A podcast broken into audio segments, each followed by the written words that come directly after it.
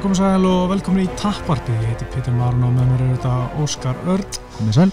Þetta er þáttunumunir 94 og við ætlum að fara hérna yfir svolítið síðustu helgi og hérna bardagkvöldi sem var bara mjög skemmtilegt. Mm. Við erum þetta hérna í podcastuðinni í Kóboi og það er fleiri podcast eins og spekingar Svjallam, Tíu hjartanir, móturvarpi, leiðin til bata og margt fleira. En uh, að þetta er þáttunum 94 þá verði ég að koma með smá svona. manstu hvað ÖC 94 var? Býtu, býtu, býtu. Ætla... Uh, ah, ok, ég ætla að giska á GSP BJ Penn. Harrið, oh, yeah. vel gert sko. GSP uh, og BJ Penn er nummið tvö sko. Já, Rínatsega sem hann stúddan og BJ hætti. Já, já. Uh, sko þetta var náttúrulega í MGM Grand Garden Arena Mm. sem er í Nevada. Já, Uh, fyrsti barndagi var nefnilega mjög jafn sko. Já, og, og BJ Penn alltaf tuðið var hann að unnið þann bardaða og okkur mm mm -hmm. hann var ekki Ó nei, þetta var sko einn af svona fyrstu bardaðanum svona ég svona fylgdist með svona countdownun eða það hétt reynda primetime, eitthvað svona primetime þáttur mm. og var svona alveg mjög invested í hérna, undirbúinum, var að lesa ekki mikið um GSP og BT Penn og, og þegar ég var að horfa á hana primetime þátt og vissi ekkert svo mikið um það báða okay. Og hérna en þú veist, þarna var ég GSP aðdandi þú veist, Já. í þessu primetime það var eitthvað svona, hvernig hann var þú veist, hafði alltaf lagt gett mikið á sig var að keira frá Kanada til New York til að fara æfingar og meðan Mm. var að vinna sér ruslamæður og ég bara, hvað djúvill er þetta mikill töffar eitthvað og meðan BJ Penn var eitthvað ríkur stráka frá Hawaii sem var gett hæfilegur ykkur og hérna, og var síðan bara að taka sér frí í kampinu og eitthvað þú veist og var ég bara eitthvað, ok, ég, ég fíla GSP betur og Að blue collar gaur sko. Já, og svo stútaði hann alltaf eh, BJ Penn í bardaðanum og þá einhvern veginn ég hef með mynd af GSP og desktopin í tölunum minni Ok. okay. þetta var svo, Fanboy. hann var algjör hetja ég, ég var Mm. algjör fanboy og ég er ennþ sko, ég myndi alveg Já. missa mig ef ég myndi hitta hann sko Var, var þetta uppbytunar þátturinn sem að BJ var að lappa á, á botninum á hafinu með grjót þannig að mm, ég man ekki í því sko. Hawaii Ah, í þeirri sinni ekki alveg sko en uh, þetta var náttúrulega hérna Greasegate, það var alltaf BJ Mm. Penn að GSP að setja á sig hérna vasilin og bakið Já. og allt þetta sko svo man ég eftir uh, að lítum að síta og Tiago Silva í kominu minn, það var flottu bara það líka. Man að Líotó tók hann sko man að að klára hann er ein sekundar eftir lótunni, í fyrsta lótu að mér var stað mjög magna á þeim tíma bara klikka, svo var John Jones og Stefan Bonnar, Já, þessu kvöldi. Já að það klikka að sjá það. Já, var það ekki hana spinning elbow Já? St- Stefan Jones bara að skóla Stefan Bonnar mm Mhm. það var held ég bara hvað, bara það er 2-3 hjá John Jones í USA Já. helviti magnar sko, þetta var þetta var skemmtilega tími. Mhm. en að, Já, Já, bara okkur GSP veist, raskelti BJ Penn já, Men, átti ekki breyk sko, nei. algjörlega. Uh, en hérna ja, Nate Diaz var hann líka mátti klikku í þetta Já, ok. Skemmtilegt, en hérna við ætlum að tala um síðustelgi og bara UFC náttúrulega var í Jacksonville í Florida, UFC 2 fyrir 9 uh, og þar var þetta Tony Ferguson og Justin Gaethje í main event albardaði kvöldsins. Og Tony vann eftir uh, takleitur í 50 lótu og þetta var bara geggja performance á Justin Gaethje. Já, þetta er náttúrulega bara hans besta framistaða og ég bara einhvern veginn held hann væri ekki svona góður. Mm Þú veist, ég, ég, ég var á því að hann gæti unnið en þá, þá veist, ok, hann kemur inn einhverju einu höggi, einu eða tveimur. -hmm. En þú veist, þetta var bara domination eiginlega, og veist, tók ekki mikið að damage Mm -hmm. og bara var að, að, að, veist, ég hvað kom inn mörgum bombum sko. Mhm. og maður bara beigði eftir að, að, að Tony myndi detta sko, en, en, Mhm. en fjandinn hafði það, þú veist, hann tók bara endalist að höggum, sko. Svakalegur sko. og hann var sko eiginlega svona aðeins og varkar stundum, þú veist, að því að Mm. maður um leið og maður sá að Tony var eitthvað vangar held maður að Justin Gaethje myndi hjóliðin mm -hmm. hann bara sallir bakka og bara var kyrr eða bara meðan að leiði Tony að, að jafna sig og maður bara bjóst alls ekki við því sko. já, bara ægi Já, ég þú veist, hann tapaði hann að vera Dustin Poirier og hérna Eddie Alvarez mm. og gerði ímsa breytingar og hérna og meðal annars að þú veist, við erum ekki bara hann var hann að alltaf berjast bara til að hafa gaman hann var að reyna að bara hafa þess gaman og hægt var og þess vegna fór hann í þessi stríð en enda á að taka of mikið höggum og, og var að tapa Mhm. en núna sko einhvern veginn sko var hann svo varkár og hann og já, síðan kom hann alltaf vann þessi þrjábartari allt með rótingi fyrstaflutu sem var bara ok, hann er flottur í fyrstulótu en maður held einhvern veginn sko ef Tóni geti komist í gegnum fyrstulótuna Mhm. þá að honum í hag eftir það. Já, en það var bara langt frá því að vera þannig. Að Mhm. Tóni, nei Justin vann alla lótunar ég hef aldrei, ég bjóst alls ekki við því fyrir hann. Það var bara með númerið hans einhvern veginn, sko. mm var búin að fatta hann. Og, og Tony einhvern veginn gæti ekkert aðlagast, átti ekkert svör, engi svör. Og einhvern veginn bjóst við að hann myndi þá kannski færi fellur meira eða eitthvað. Mm það gerir ekkert svo liðis, Nei. það held bara einhvern veginn áfram einhvern veginn dansi -hmm. og var ekkert að virka Nei, menn það var hotnið hans var aðeins að byggja um hérna Iminari ról Já. eftir hvað þriðilótið eitthvað, hann, hann reyndaði ekki eins og sko. Já, já, þegar hann reyndi það, jú hann reyndi ykkur tíman eitthvað þannig Já, hann fór eitthvað svona eins og var að grípa í sand og kasta í auðanum svona eins og þykist henni svona, ég man ekki að það var eitthvað mjög steikt en það var allavega of, of middur, þú veist, Mm. bara þegar hann fór eitthvað hann, var, hann tók eitthvað að rúlu þannig já,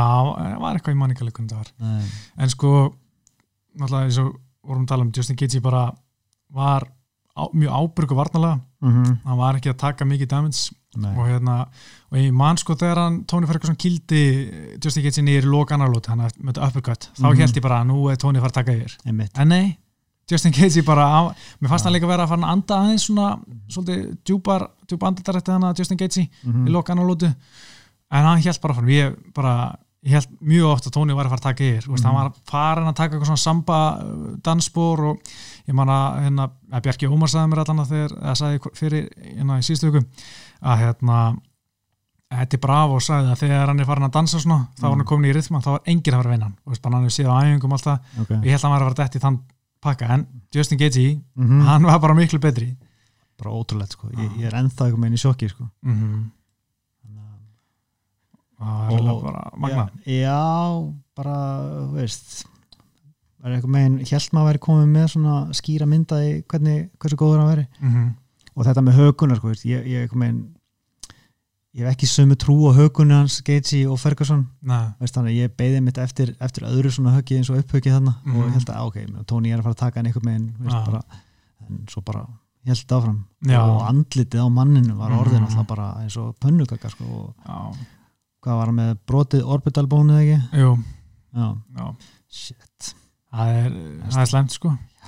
En þetta var náttúrulega sko Gaethje bara búin að eins og við tölum, bara búin að bæta sig síðan að tapa þeim kannski ekki mikið, kannski, ég veit ekki hvort það sé búin að bæta sig mikið teknilega, þú veist, sem bardamara. En hann bara er best skinsamara, mm -hmm. hann er skinsalegri bardamar og er sem meira með svona herra fight IQ eða bara hann er að nýta sér styrkleikan sína betur heldur að fara bara í eitthvað eitthvað bról. og er ekkert minna skemmtilegur fyrir vikið Nei, nei, það er ótrúlegt sko. en maður vill ekkert endilega bara eitthvað svona heilalust mm veist, vaða áfram og láta róta sig sko og það er líka svolítið magna sko að núna er hann með sjón hann Já. Justin Gaethje, hann var hérna að tala um það ég man ekki, hann hefði talað um aðra að, sko eftir hérna tap nummer tvö fór hann í laser á Mm. augunum sér satt, uh, hérna sjóninni og hérna og að því áður fyrr sá hann bara svona móðu og þess vegna var hann alltaf svona að snerta með annar hundi til þess að finna bara hvar er það anstæðingur það er ruggla sko. Og hann barist hvað 16 átján barða þannig. Okkur er hann með linsur?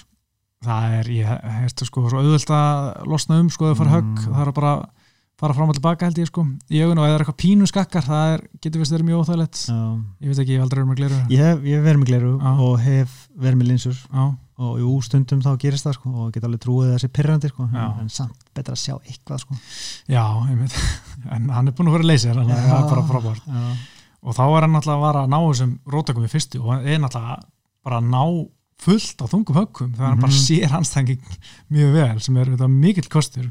Já, og hérna, þetta er bara Justin Gaethje alveg, alveg geggjaðar sko, en áður en, já, tölum um bara næst, framaldi fyrir hann. Áður en við förum í framaldi að Tony Ferguson já sko, og náttúrulega bara það sem átt að gerast sko. já, sko, náttúrulega uh, Gaethje gegn Khabib verður, það verður geggjaðar bara trilltur bardagi. Og, Og- já, já, ég meina Justin, hann veit alveg hvað Khabib kemur með að borðinu og hann Mhm. vildi ekki taka barða gegn honum með skömmu fyrirvara. Hann var tilbúin að gera gegn Tony Ferguson Mhm. með þú veist fyrst tveggja vegna fyrra. En hann hefði sagt nei að það vera gegn Khabib því hann vill fá alvöru undirbúning fyrir Khabib. Og vill fá Já. svo lótur með ferskum glímufjölum aftur og aftur og aftur til að vera. Mm geta stoppa fellanir hjá Khabib í fimm lótur já, greinlega bara hress upp á glímunum sína og kannski stútir að hans stíl betur í glímunni, fá anstæðingar sem eru eins og hann. Að veist, þó hann sé góður og búin að vera í olimpíu glímunni veist, í mörg ár, þá kannski er hann ekki vanur þessum sambó stíl. Mm -hmm. veist, þannig, það bara skynsanlegt sko, hljóma Já. Já, ég meina við höfum talað um og allan að minnst á það að þetta er mjög spennandi viðregn Mhm. Justin Gaethje gegn uh, Khabib náttúrulega fyrsta lagi því að Justin Gaethje er var All-American í bandarísku háskólaklíminni Já. og hefur aldrei nota veist, hann er bara hérna, hann er ekki reynt eina felli í UFC hann Mhm. var kannski að gera aðeins meira í W hérna World Series of Fighting en, en ekki neitt í UFC en það sem kannski þetta, hann er ekki fara að reyna að taka Khabib niður, hann er bara kannski notar þetta frekar til þess að stöða fellunar Mhm. en það sem maður velti fyrir sig úst, ég meina er að langt hérna hann mætti einhverjum svona alveg wrestler úst, ég held kannski besti wrestler sem hann mætt úst, það hefur verið hérna hver, Kamal uh, Sjamalúr sjál, ah, og hann var drulligóður wrestler á pappirum sko. Hann, ég held að hann hafa verið All-American svo hérna held ég að hann hafi bara flosna frekar fljótt úr MMA eftir, þetta, eftir töf þar sem. Mhm. en, hérna, en það var gaman að sjá núna Khabib í dag gegn, með MMA glímuna sína gegn MMA glímunni hjá Justin Gaethje Mhm. og hvernig þetta mun svona spilast Já. en að, náttúrulega fyrir utan að vera með glímuna er Justin Gaethje náttúrulega mjög hættulega standandi sem við séð og hann er líka svo grótharður Mhm. og hann getur farið uh, svona gegnum alveg nokkru nokk, fjóra og fimm lótur á fullu gasi Já. og það er svona hundur í hann þú veist, hann er svo mikill fætir Mhm. þú veist, ekki að Conor og Justin Poirier séu ekki, en veist, hann er með svo margt sem, þú veist, maður vill sjá á móti hérna Khabib Já, ég held maður verið bara að gefa honum alveg góða möguleika að vinna sko. mm. og bara, ég, ég er eiginlega orðin bara jafn spenntu fyrir þeim barða og ég var fyrir Ferguson Já. þó, þó að sé þú veist, sárt að missa hann það Mhm. finnst mér svo við höfum ekkert mist neitt í rauninni að því við erum með annað jafn gott Já, ég er auðvitað, mjög spennt fyrir Justin Gaethje og. Khabib, en þú veist Veit þetta, þetta er fyrir, langu tími sem okkur langar að Mm. sjá hann. Það er, finnst ógæslega sárt að sjá eftir honum. Það var bölun, það reyndist Já, bara þetta var bara bölun, þetta er ekkit uh, grín, þetta var bara alveg bölun en hérna, veist en það, var líka svo áhverju stíla sem voru að mætast þar Tony og, og Khabib og náttúrulega þess að er ótrúlegur síðu göngur að fara að mætast sem Mhm. er náttúrulega púf, úr sögun núna. En, en þessi bara það er ég ekki, ég veit ekki hvort þessi spenntar fyrir Gaethje á móti Khabib heldur en Tony á móti Khabib Mhm. en ég er ekki mikið minna spenntur það það er kannski 2% munur á spennunni hjá mér sem skiptir engum máli en sko af þessum öllum hérna top 5, kannski top 4 í UFC uh, fyrir svona uh, eftir Khabib áskorundu þessa, Tony Ferguson, Dustin Mm. Poirier Justin Gaethje og Conor Aha. þá finnst mér Justin Gaethje svona eiga mestan sens á pappirum en auðvitað að því að Khabib er búin að vinna Conor og, og Dustin Poirier já, já. en, hérna, en þetta finnst mér mest spennandi matchupi fyrir Khabib í dag já, hann veist, á möguleika eiga svar við glímunni mm. veist, sem er náttúrulega bara aðal dæmið hans Khabib sko. Ef hann mögulega getur eitthvað varist í og, Mm. og meitt hann með höggum sem hann er líklega að gera þá, þá bara allt mögulegt sko. einmitt sko, en svo ég úr Dustin Poirier, hann eitti ógeðslega miklum tíma í Mhm. undirbúið sem fyrir glíminu á já. Það var ekki nálægt í stöða en hann var ekki All-American Wrestler þú getur ekki spila catch-up í þessu sko. Nei, en þú veist, hann var búin að stúdra alveg veist, hvernig hann fer inn í glim, en að Já. fellunar endur í hann og búin að stúdra hvað hann gerir, hvernig hann grípur höndra saman. Mm að að hann var ekki nálægt í að stoppa þetta sko. Nei, og kannski verður bara nokkulega sama saga fyrir Gaethje sko. Já, ég geta, veist, maður getur alveg séð það líka sko. Já. en Dustin Poirier, hann vil sjálfum minna að Justin eigi mesta sjansin í, í Khabib sko, veist, og hann var líka veist, náttúrulega, já, Gaethje er með glímuna til að stöða kannski þessi endri þegar mm Mhm. Khabib er að fara í felluna strax, að stoppa það strax áður en hann kom með það uppi búru áður en hann er búin að vefja lappinar hana, undan þær uppi búri og náttúrulega er hættulega standandi og getur meitt Khabib þar sko. Mm Já, ég var að segja ég, maður, maður er bara ósöflátt fyrir að hugsa líka um möguleikan á Conor á móti Gaethje Mhm. Veist, það væri klikka sko, og þó að, þó að Gaethje hafi átstrækað Ferguson, þá var það náttúrulega alltaf aðri stílar Mhm. og ég held að Conor eigi alveg möguleika í já. minna, með sína geggiðu vinstri veist, hann Mhm. byrjar rætt, hann er högþungur betri vörð nörglega en, en Tony Mhm. veist, kannski. Mm, veist, þannig að það, það væri líka klikka sko. já, veist, það er bara maður langar að sjá þess alla gæja, að berist okkur þann. Dustin Poirier og Tony Ferguson. Já, það er geggjaði bardagi, Tony Ferguson og Conor geggjaði bardagi, já. það er þetta er bara draumur sko. Þessi þingdalokkur Já, en sko núna Tony Ferguson, hvað gerist fyrir hann? Ég meina auðvitað væri ég held að ég væri mest að sjá hann á móti veist, en ég sé það ekki alveg gerast sko. ekki núna, þetta er of hættulegu bardaði fyrir lítið gein fyrir held ég, sko. já, en hann, já, ég held að hann taki langt breyk já, það var aðeins að hann er náttúrulega með brotið orbital búin Mhm, það, það já. er, er það ekki halvt ára eða eitthvað? Já, ég veit ekki, sko, ég held að það tekja alveg, já, allan að fjórum já, allan að segja það. svo náttúrulega er hann orðin 36 Já, þannig að það er ekkert mikið eftir fyrir hann sko. mm, þannig að ég minna, kannski tekur hann eitthvað svona, ó, sjáum hann á móti æjakvönda eða eitthvað. Mm, og veist, vinnur 2-3 á, tekur kannski eitt stóran barða og svo Mm. hættir já, einmitt, sko, ég meina, maður veltir í fyrir sig hvort að hans bestu dagar sér taldir, mm -hmm. alltaf því hann tapaði og líka orðin 36, en hann tók líka mikið damage þessum bara, það Já. geti alveg haft áhrif á hann, þú veist, í framhaldinu. Mhm. En svo líka, þú veist, eins og hann segir, þetta var ógæsla langt kamp. Hann byrjaði, Já. þú veist, undirbúið sig fyrir KBB í nóvembir, þú veist, ekki hann að kannski verið alveg fullu síðan þá, en ég menna þetta er samt mjög langu tími, uppalega vildi USA setja hann að barndagja í mars, Mhm. en KBB neitaði að berist til Las Vegas, hann að fara til april í New York, Mhm. var þetta ekkert að því, fresta til mæ, þú veist, endalist frestun, það gerði hann alls ekki gott og svo Nei. náttúrulega veit ég ekki hvort það spila mikið í, en hann var náttúrulega að skera niður hann að þremu vikum fyrr. Já, það er kannski ekki góð ákvörðun. Nei, þú veist, maður veltir en, í en fyrir sér. samt sem áður, úttaldi virtist ekki vera vandamáli sko. Nei, nei, nei, nei. og þú veist ég veit ekki hvort að aldurinn hafi eitthvað spilað inn í fannst þið það eitthvað, ég meina þetta, þetta leit út eins og bara Tony Ferguson.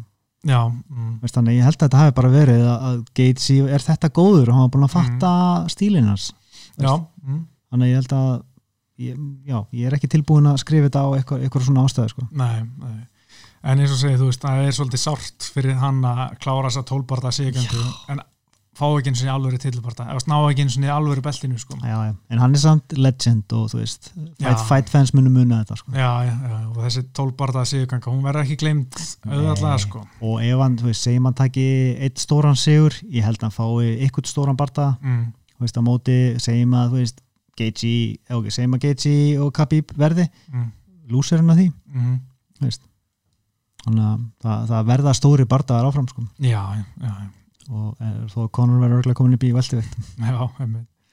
En sko, þetta er náttúrulega svolítið svona núna the one who got away við vorum, veist, kannski sá barndað sem var mest talað um svona mhm, var kannski Fedor og hérna Randy Couture. Þú veist, hann svona, mhm. þú veist, margi barndað fyrir Fedor, þú veist, ég meina Brock, nei, hérna Fed, nei, Dana, Dana White var alltaf að tala um að sá barndað sem hann vildi mest setja saman en náði ekki var hérna Brock Lesnar og Fedor. Já. en ég held að þessi muni toppa listan í öllum núna, sko, að því að, veist, Mhm. voru hann var settið saman fimm sinnum. Við náðum með þess að báðir að berjast sama kvöldi og þeir heldur bara báðir áfram að vinna. Já, þetta virkaði bara, já.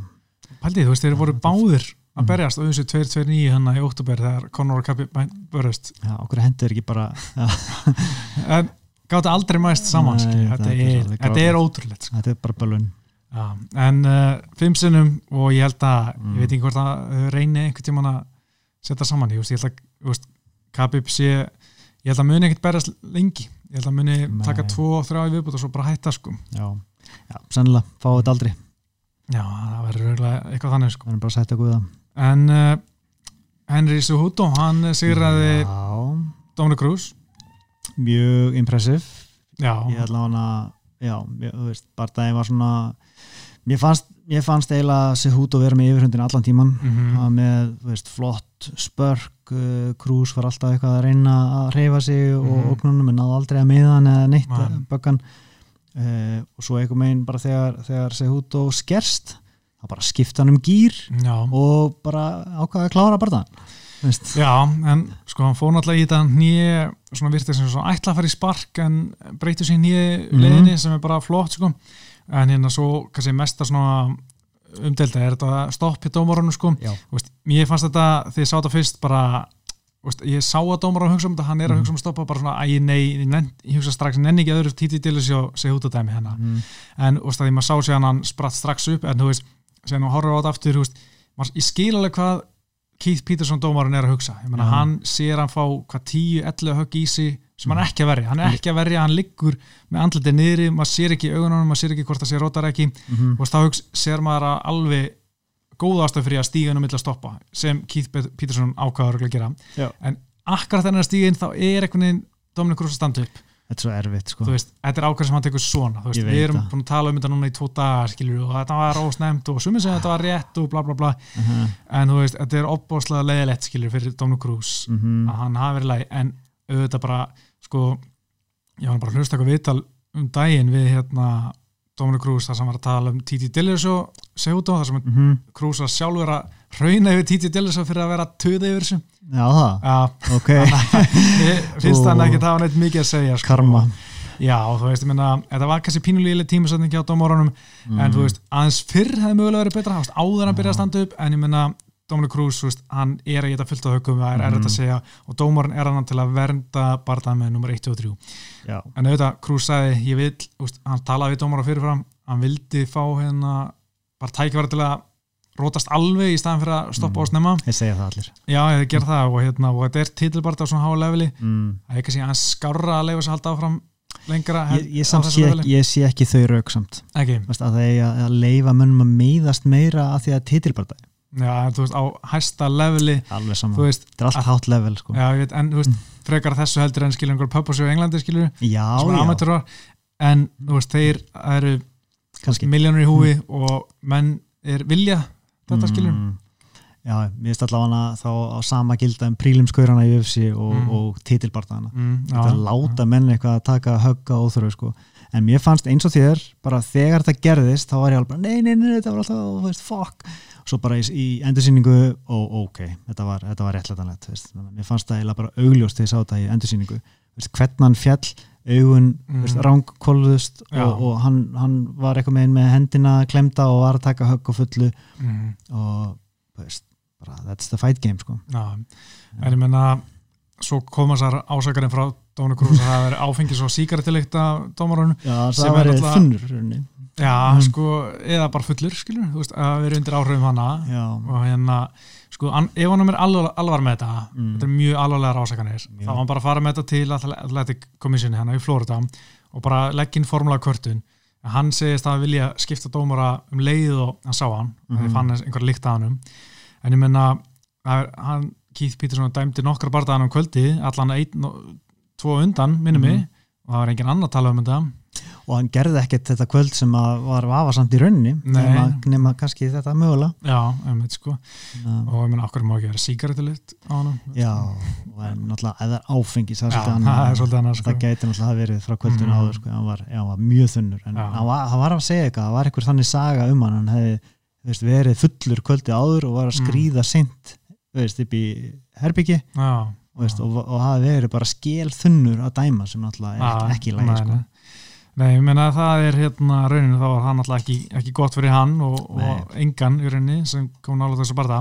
Nei, en ég meina þetta er samt mjög stóra ásakanir sem hann segir í vitali beint þetta barðaðan kannski hefði hann ekki satt þú veist, kannski í dag sér hann Mm. smá eftir þess, ég veit það ekki.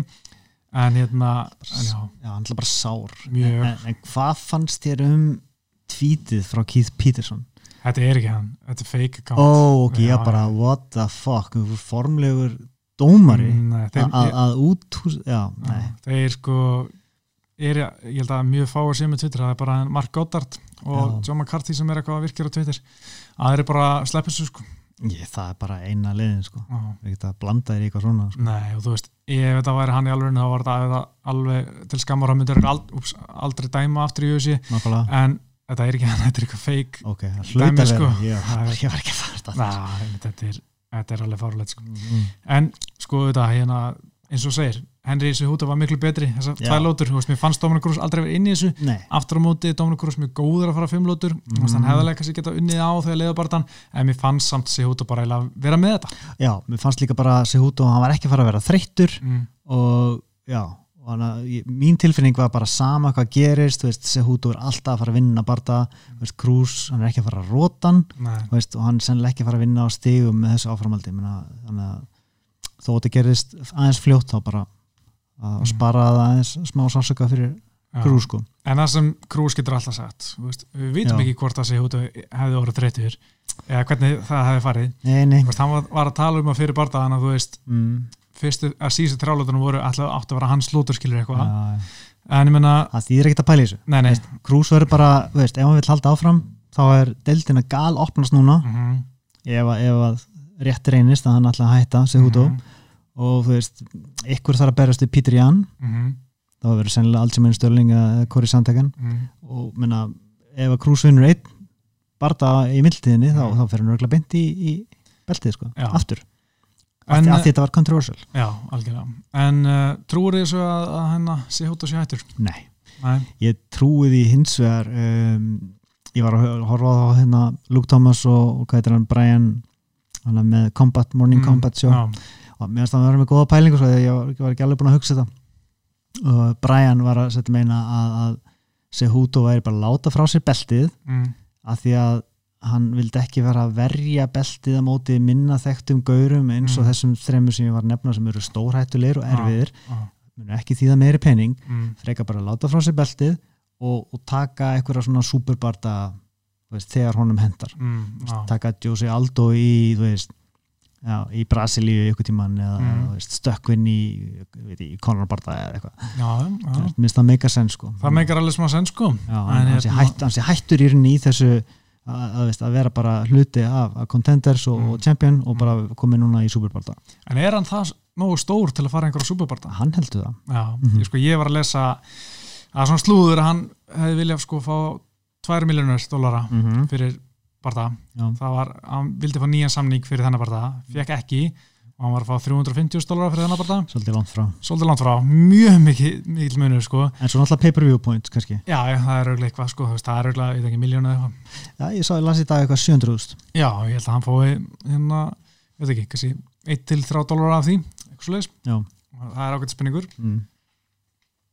en hérna sko Sehuto sko, þetta er alveg mjög góð pælingum að hann vilji bara láta þessa áskorundir svona setla sitt svo Já. að hann þurfi ekki að fara á mótið þeim þegar þeir eru óþægtir en mér finnst bara Sehuto ekkert sko orðin það mikil stjarnar til að vera eitthvað svona Nei, en ég held bara að hans sín á sjálfan sig sé önnur en okkar sko. þannig að veist, hann er örgulega aðeins að ofmeta.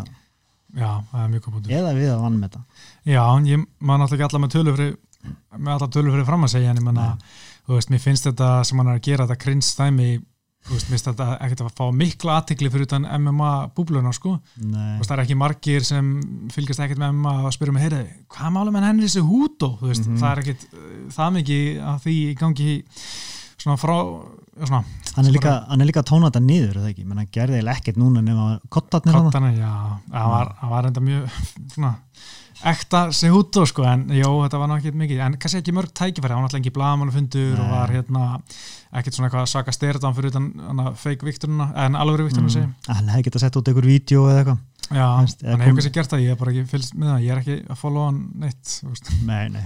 eða komið eitthvað walkout þú veist, eitthvað, eitthvað en uh, sko ég vona að segja út að sé ekki hættur því að mér finnst Mhm. hann sko, hann var að tala um að hann vildi hætta á tóttnum sem er gott að blessa, já, mér finnst hann bara eiga meira inni sko, eins og þú veist, þegar GSP hætti þú veist, Mhm. hann var ennþá á tóttnum, hann var ennþá mistari, en hann var farin að dala þú veist, Já. búin að fara í aðgerð hennar crossbandsaðgerð, þú veist búin að fara í gegnum nokkuð stríð og þú veist bara orðin Mhm. 32 þryggja og strögglaði á móti Hendrix þú veist. já, og þú veist bara fín ákvörunni á hann að hætta þá Mhm. eða taka sér hlýja og ég get alveg skilið að segja út að vilja hætta tónu en mér finnst hann bara ennþá að vera að bæta sig. Mér finnst hann Mhm. ennþá að vera bara besti bandagættamæri í heiminum núna. Mhm. langar að sjá hann aðeins lengur þú veist, gemur 1-2 ár en aftur á móti, ef hausin er ekki til staðar ef þú ert ekki hau- með hausin 100% við efni í MMA þá er það mjög hættulega leikur til þess að vera eitthvað svona hálf uh, half-ass þetta. Sammála og ég er svona aðeins svona rólegri með þetta því að þessi þingdaflokkur er bara svo sjúkur sko. Mm, já, veist, fyrir utan þessa gauðra, þú veist, þá ertu með alls konar aðra gauðra, með Marlon Moraes með, veist, Aldo ef hann vill vera þarna mm, og, og, og Cruz. Veist, þannig að þú getur tekið sex manna klikkað mót mm, bara, og, og þarft hann ekkert lengur en, en, en auðvitað hann, hann hefur margt fram að færa sko, og, ég heldum minnum fá að sjá hann aftur. Já, hvað hérna sko hann var að tala um að hann vill fara svona einbættis að fjölskyldinu, stofna fjölskyldu og allt það. Mm. Ég, það er alveg gott að blessa sko en ég myndi að segja að hann sé ekki alvörun hættur fyrir hann er búin að ekki berast í svona þrjú ár Já, af því að menn eru alltaf, veist, eins og við vitum bara MMA retirement, mm. won't last bara, veist, allir sem hætta snúa alltaf aftur og svo sem er leiðilegast að vita sko er veist, að það mun taka svona fimm ár fyrir já, fólk að fara að bendla við einhverja barða þó hann Mm. Berist ekkert sé alveg hættur að pæla í MMA eitthvað neinn.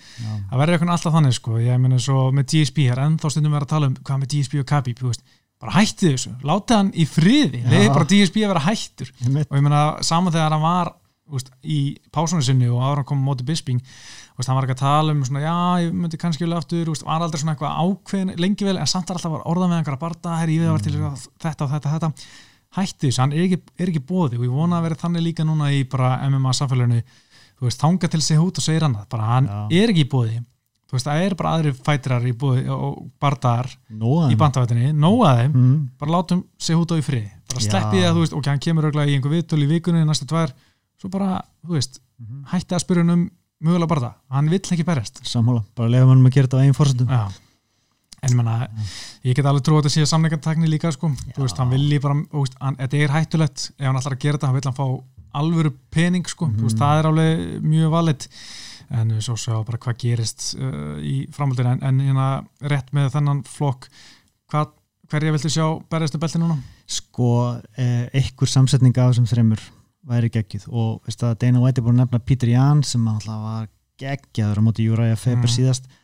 Um, mér finnst allt sem einn störling eiga meira skilið Heldur en Petri, já? Mm, nei, nei heldur en það, annað, mér finnst að Peter Jan ætti að vera þarna og mér finnst að það ætti að vera móti allt sem einn störling uh, ef að annar það passar ekki upp á tímasetninguna setið bara Corey Sandhagen inn mér finnst Corey Sandhagen, hann er geggjaður mm. Mhm. kannski ekki margir sem þekkjan en Mhm. hann, hann hefur, ég held að sé búin að berast fimm sinn mjög sé Uh, einn eiginlega stór sigur á móti Rafael Sansa, Mm -hmm. veist, leit frábæla vel út en hann, hann má alveg taka einni viðbót, veist, hann, hann kannski ekki alveg komið með sömu reynslu og Störling þannig að ég segi Jan Störling Já, sko, ég minna Sandhagen, hann er búin að vinna núna alla fimm barndar sem ég sé og Aldrei með Störling, hann er náttúrulega búin að vinna fjóra röð og Já. hérna síðasta tapa hans var á móti Marlon Moraes, Rótök mm -hmm. en ég minna hann er búin að vinna síðan þá Brett Jones, Cody Stamen, Jimmy Rivera Petr Munoz, síðustu tveir flotti sigrar en sko mér finnst eða svona bæði Petr Jan og Störling vant, og Kori þetta líka, öllum vant á svona einn sigur viðbútt til að fá alveg tilbarta en mm veist allt í lagi að láta einmitt Petr Jan og Störling bara mætast um titilinn -hmm. Sigur er auðvitað mestari og svo er Kóri og kannski Marlon Moraes eða Aldo Krús eða, Krús sem hérna berjast um að fá titilbarta gegn hérna, Petr Jan og, og hérna uh, aldrei með Störling sko. ég held að Krús og Sandhagen átt að berast ég, minna það. ég held sko, jú ég held að sko Störling og beti, já, það var hérna Petr Jan og Marlon Moraes átt að berjast hann í Kazakstan kartinu mm. svo finnst mér þess að Störling og hafa átt að berjast en það var orða Krús við Dominic Krús nei, hérna Sandhagen við Dominic Ja, Krús ja. en Krús var aldrei búin að segja já. Ok. Svo sagði hann já þegar það fengi tilbarta sko. mm. Var, þetta var svona á því bíli sem hann var að auðvitað var að reyna að setja saman einhverja flokkbarta í hérna bandvættinni þetta er svona luxus vandamál í þessari deild þetta er svona eins og léttvikt mm -hmm, getur ekki, þú getur ekki sett neitt lélegan bardaða saman. Nei, en hérna Hósi Aldo og Marlon Moraes er hann líka sko. Já, en mér finnst það einmitt- eins og með Dominic Cruz hann þarf að fara að vinna barða, hann er að tapa tveimur röð mm -hmm. Mhm. mér finnst hann að ég ekki fá til barða þó hann sé ekki sér stærsta nafni og alltaf mm bara Aldimar Störling, Petur Ján já. bara núna í águst og ég held líka, ég held líka veist, ef hann fer í Sandhagen, ég held að Sandhagen vinna hann þannig að það væri bara fín leið til að, veist, koma Kóri Sandhagen upp Já, það kemur manni helviti vel á korti að vinna Cruz Já. sjáum hvað gerist en uh, já, við lærðum ekki mikið um Francis Ngannou. Oh my god. Hann bara tók 20 sekundur og rotaði Jarsino og Rosenströk og það er alltaf, ég elska að sjá Ngannou gera þetta scary motherfucker, hluta mér langa að sjá barda, mm -hmm. en hluta mér er líka bara svona, ok, þetta var ekki, þetta var bara svona Mike Tyson. Já, ég Já. dýrka þetta sko. Þetta er bara svona, þú veist, maður veit svona, maður læri aldrei neitt nýtt Nei, af þú veist, ok, hann tapað fyrir Stípi og Derek Lewis, síðan þá var bara rótök eftir sko einhverjar sekundur, alltaf. allt ykkur geggjaðar anstæðingar sko. Já, já, já, það vantar ekki sko. Kane Velasquez og Junior Dos Santos og því hvað og hvað sko. Sko, þetta er búið að vera svo hérna mögnu, svona, magna strík þú veist, er hann að fara í er hann með þól til að fara í fimmlótur ég veit það ekki, mm. hann er ekkert sínt að sé hann á móti veist, getur hann farið þrjálótur, ég veit ekki, hann var alltaf með PTSD eftir, hérna, eftir Stípi barðan og Mhm. þorði ekki að gefa í á móti Derek Lewis. Núna verðast hann bara aðeins búin að laga það en þetta er alltaf bara mínúta, hann veitum ekki hvernig hann er eftir fyrstu lótu einu Nei. eina sem maður veit, hann kýlir ógesla fast. Hann hittir, en samt einhvern veginn þegar maður horfur á þetta, húst, þetta er replay er hann mjög opinn fyrir counterum skilur, þetta er ekkert eitthvað fullkominn tækni en það virðist bara, þetta er svo hratt þetta er svo mikið power að þú veist bara strækar eins og Alistair Órim og Jónatan Santos og Rósestrúk, ég meina þeir eru ekki eins og hitta, hann er bara, þeir bara rótast skilur, Já, þeir bara geta sig ögg bara hvernig, ná ekki að verjast þessu og hérna Engano bara heldur áfram að róta gæja og það er líka bara eitthvað eitt högg mm. mm. þetta var svona fjögra högga þú veist, flétta, ég man ekki hvað var mörg högg Mm. það þarf bara eitt Já, þetta var svo geggja sko, þess að maður sá bara höggi bara svona Já. hú, hú, og svo eitt hitti. Já, þetta er bara, ég elskaði þessa endursýningu á, hérna, þegar hann tekur í rauninni enna sprett bara af Rósastrók og Rósastrók er að reyna að svara en hitt ekki neitt sko. Já. þetta er svo hættulegt að fara eitthvað að skiptast á höggum við hann að mann sko, það er ekki úf, ég myndi aldrei, aldrei gera það sko. En þessi þingdaflokkur er í smá vandra Já, þannig að uh, er, ég, sko, ég heyrði að Stípi var eitthvað meittur á auganu ég veit ekki hver staðan á því er Já. en hann vill ekki æfa núna náttúrulega því að gimmið er lokað og hann er Mhm. líka í einhverju svona hjálpa eitthvað blá. um, það er svolítið ósangjart að rífa af hann um titilinn í Mhm. þessu ástandi Já. það getur ekki eins og æft sko. Nei, það er faraldi. Náttúrulega fyrsta lagi, sko, Dana White búin að segja þeir sem vil ekki berast í þessu ástandi ekkert mál, okay, svo kemur mistarinn bara "Herri, ég vil eiginlega ekki berast bara, tökum hann tíðlinn Já. það er fáralegt sko það sko. og þú veist, í öðru lagi, ég meina hann er ennþá að jafna sig í augunni eftir meðisli sem hann varð fyrir í bardan, þú veist, það var Mhm. pota í augunum og þú veist bara, hann fór í aðgerð og ég veit ekki hvort hann fyrir að fara í aðgerð aftur og hérna, eða hvað er máli sko en, en þetta er bara svona kjánalegt ástand eitthvað, þú veist Já. á stípi og þú veist, maður auðvitað langar mann að sjá hreyfingu í flokknum alltaf en bara, Mhm. þú veist ég veit ekki, sko Já, kannski er þetta bara akkurat uh, tækifæri fyrir internet belti þó ég sé ekki Mm. hrifin að svo leiðis Nei, nei. stöfi sko. Nei, sko. en svo spurning með DC mm veist, hann sagði bara veist, ef, að, ef, að, ef að hann stípi er ekki að koma þá bara best ég Engano Já, ég myndi elska það já, ég myndi hafa ágjur fyrir hönd DC sko. mm, já, en náttúrulega það sem er spennandi er við vitum að, það er búið að vinna Engano einsunni með glímu og mhm, hver er betur glímaður en DC sko. einmitt,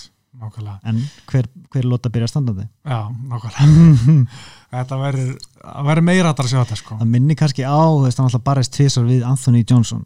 Já, og Johnson kom inn bombum á Mhm, DC mhm. En DC lifið af, ég veit ekki hvort hann lifir af Engano Nei. sko.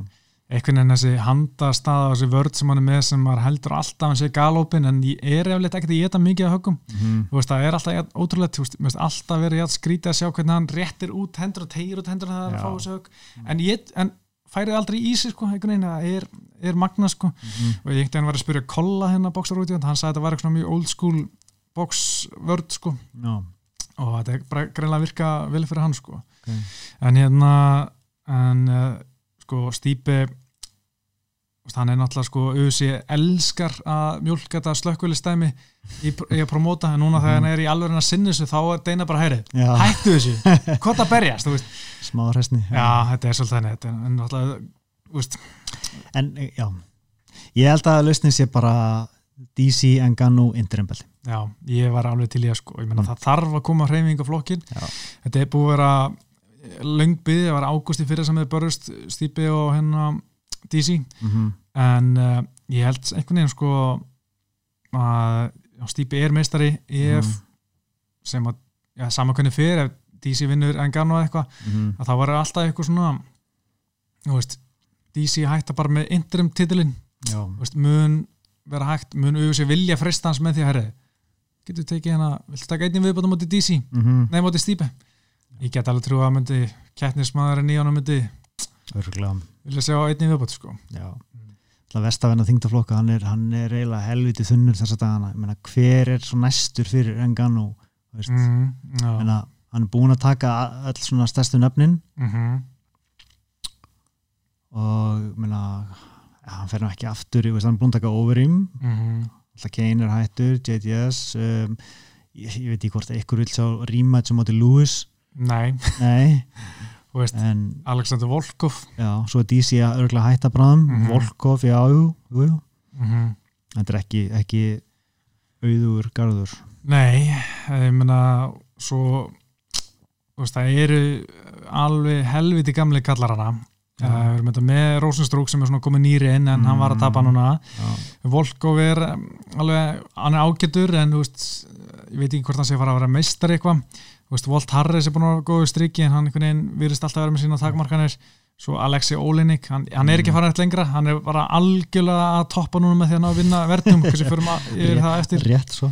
Já, svo Shamil Abdurakimov hann á ekkert erindi í neitt. Blanko Ívunov, ég hef ekki verið impressed. Greg Hardy Já, eh, skulum ekki fara í hann strax maður, en, en Ívunov er náttúrulega æfa með Engano, þú veist, ég veit ekki þeir séu ekkert að óþara að mætast. Mm. og svo er reyndar eitt gæðina sem ég veist mjög spennandi, Sergi Pavlovic ég held að hann sé 2-1 Já. eða 1-1 í þessi og hann er, Mm. þetta er rumur með power sko, mm en hann har alltaf tapað mútið órum í fyrsta barðanum sínum Já, en hérna ég held, getur trú að hann getur farið aðeins lengra með hérna réttum matchup sko.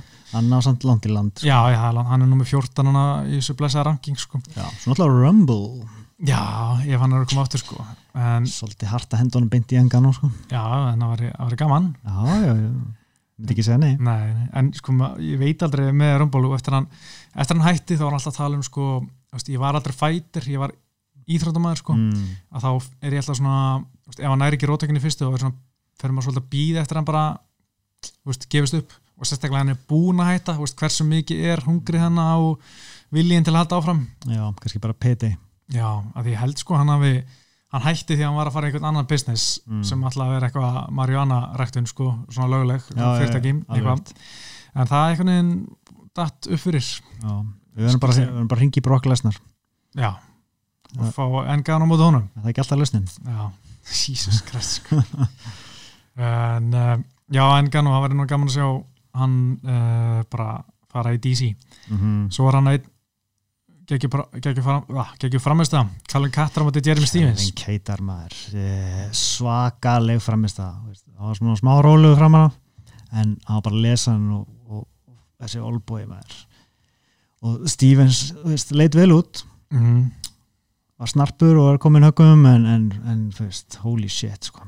það var svakalegt. Þetta var geggja sko. Ég menna uh, það eru ekki margir sem slökka ljósin á Nei. Jeremy Stevens hann er með þrjú rótök á betur rótök og það er hérna Hosea Aldo sem var svolítið body shot mm -hmm. svo svona högg í gólunni þegar maður sá alveg Jeremy Stevens var ekki átt hann var bara ekki að reyfa sig og svo hann að Eve Edwards árið 2012 ég man nú ekki mikið til því að það var það var KO líka sko en, um, en þetta sko þetta var alveg KO það var eins og hann hefði hlaupið á vegg sko. Já, og ég veit ekki hvernig nýð hann var það datt svolítið illa hana nýð beglaðist Já, það var svolítið óþægilegt sko fyrir mig sem hef verið með mín nýmisli sko mm -hmm. fæ alltaf svona öð þegar ég sé eitthvað svona Já. en hérna Calvin Kattar sko hann er náttúrulega geggjar og, og fjæðurreitin enn á nýja sína Mm. hvað er í gangi þar sko, hann er náttúrulega bara eitt besti flokkurinn í USA Já, minna, Keitar, veist, hann, hann leit vel út á móti Sabit Magomed Mhm. Cheripov, Já. þú veist, og ég held að hann, hann er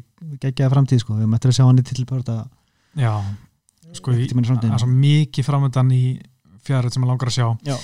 Og alltaf Volkanovski mistari uh, ég veit ekki, hann og Max Holloway er mögulega að fara aftur sem enginn hefur áhuga en er- UFC er UFC kannar UFC sem að ljúka því að sko, Brian Ortega var ekki ennþá bara síðan 2018 hann á móti Holloway, mm, uh, Kattar á móti honum var geggjað, uh, sko, hann er alltaf búin að mæta Sabit, Chan Sung Jung hann var flott, Kattar á móti Korean Zombie, uh, Kattar á móti Jair Rodríguez, þetta er allt gott, sko. helviti gott. Svo kemur hann að gamli Frank Edgar. Það er nú ekkert mikið ná að sjá hann í einhverju.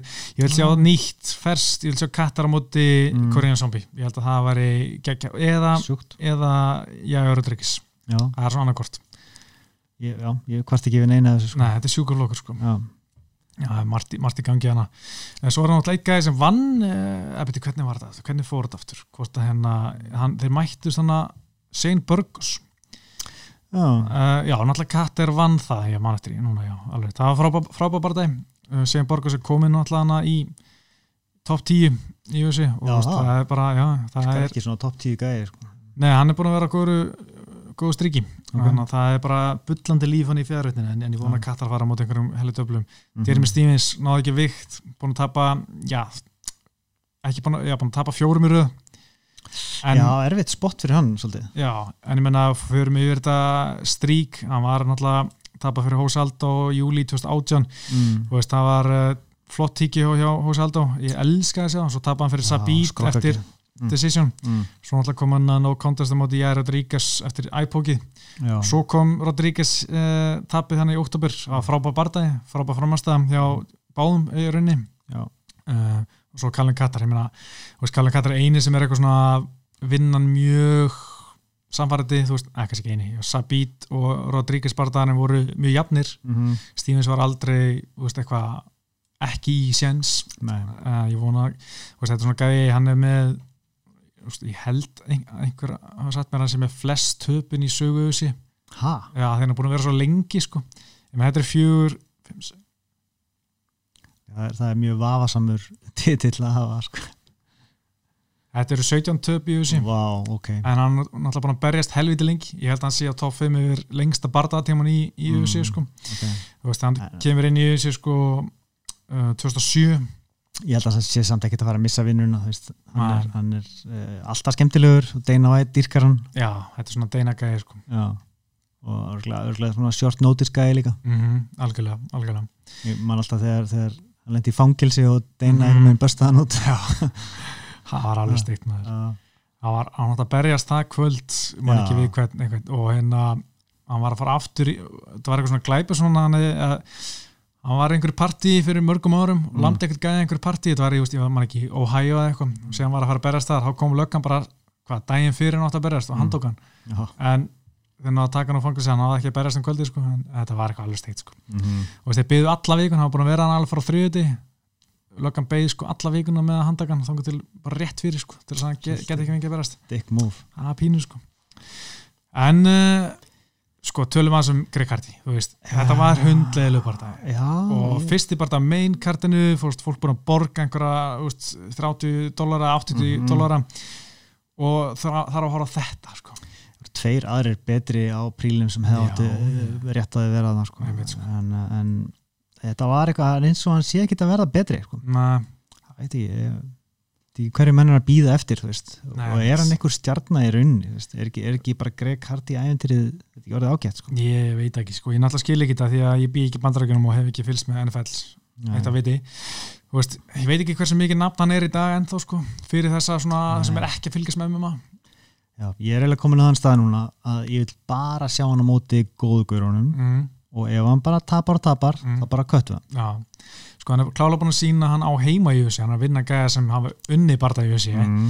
en þetta er bara einhverstaðar neðalegi þungættinni þurfum ekkert að sjá hann á móti einhverju Jorgandi Castro á pay-per-view? Ekki á mainkartinu Nei, þú veist bara henda honum á prílins Já, láta hann vinna sig upp þar, þetta er ekki skemmtilegt. Nei, Eh, finnst engum þetta skemmtilegt held ég? Ég held þeir voru örgulega stóla og þeir eru róttök í fyrstu. Já, gott, gott að byrja kvöldið þannig veist. en ég nú var nú nokkuð sem að þetta fara í Decision ég var með það í Spáni og mér finnst þetta að vera bara svona þetta var eini barða sem ég var 100% vissum að fara í Decision. Okay. ég veit ekki ekkur en hérna, ég veist ekkert hvað gæði þetta að vera þessi Castro hann ég setti Já. KO ég myndi bara eftir hann þegar hann fór á móti hérna í frumreinu hann var feitur með tútur og hérna gatt sleiði ok, þannig að ég var nokkuð sem að, að Hardy myndi svona myndi ekki klára hann þetta verða svona varkár svolítið. Já, en ég meina Hardy tekur núna Jorgandi Castro hérna tapa sérst þeirri Volkov veist, það var Mm. heldur ekkert spes bardagi þú veist, ekki að Nei, báðum. en það var mikið step up Já, já, mikið step up sko. Já. og svo náttúrulega vann hann Benz og Soli en, en þetta var auðvitað countast þegar hann fekk hann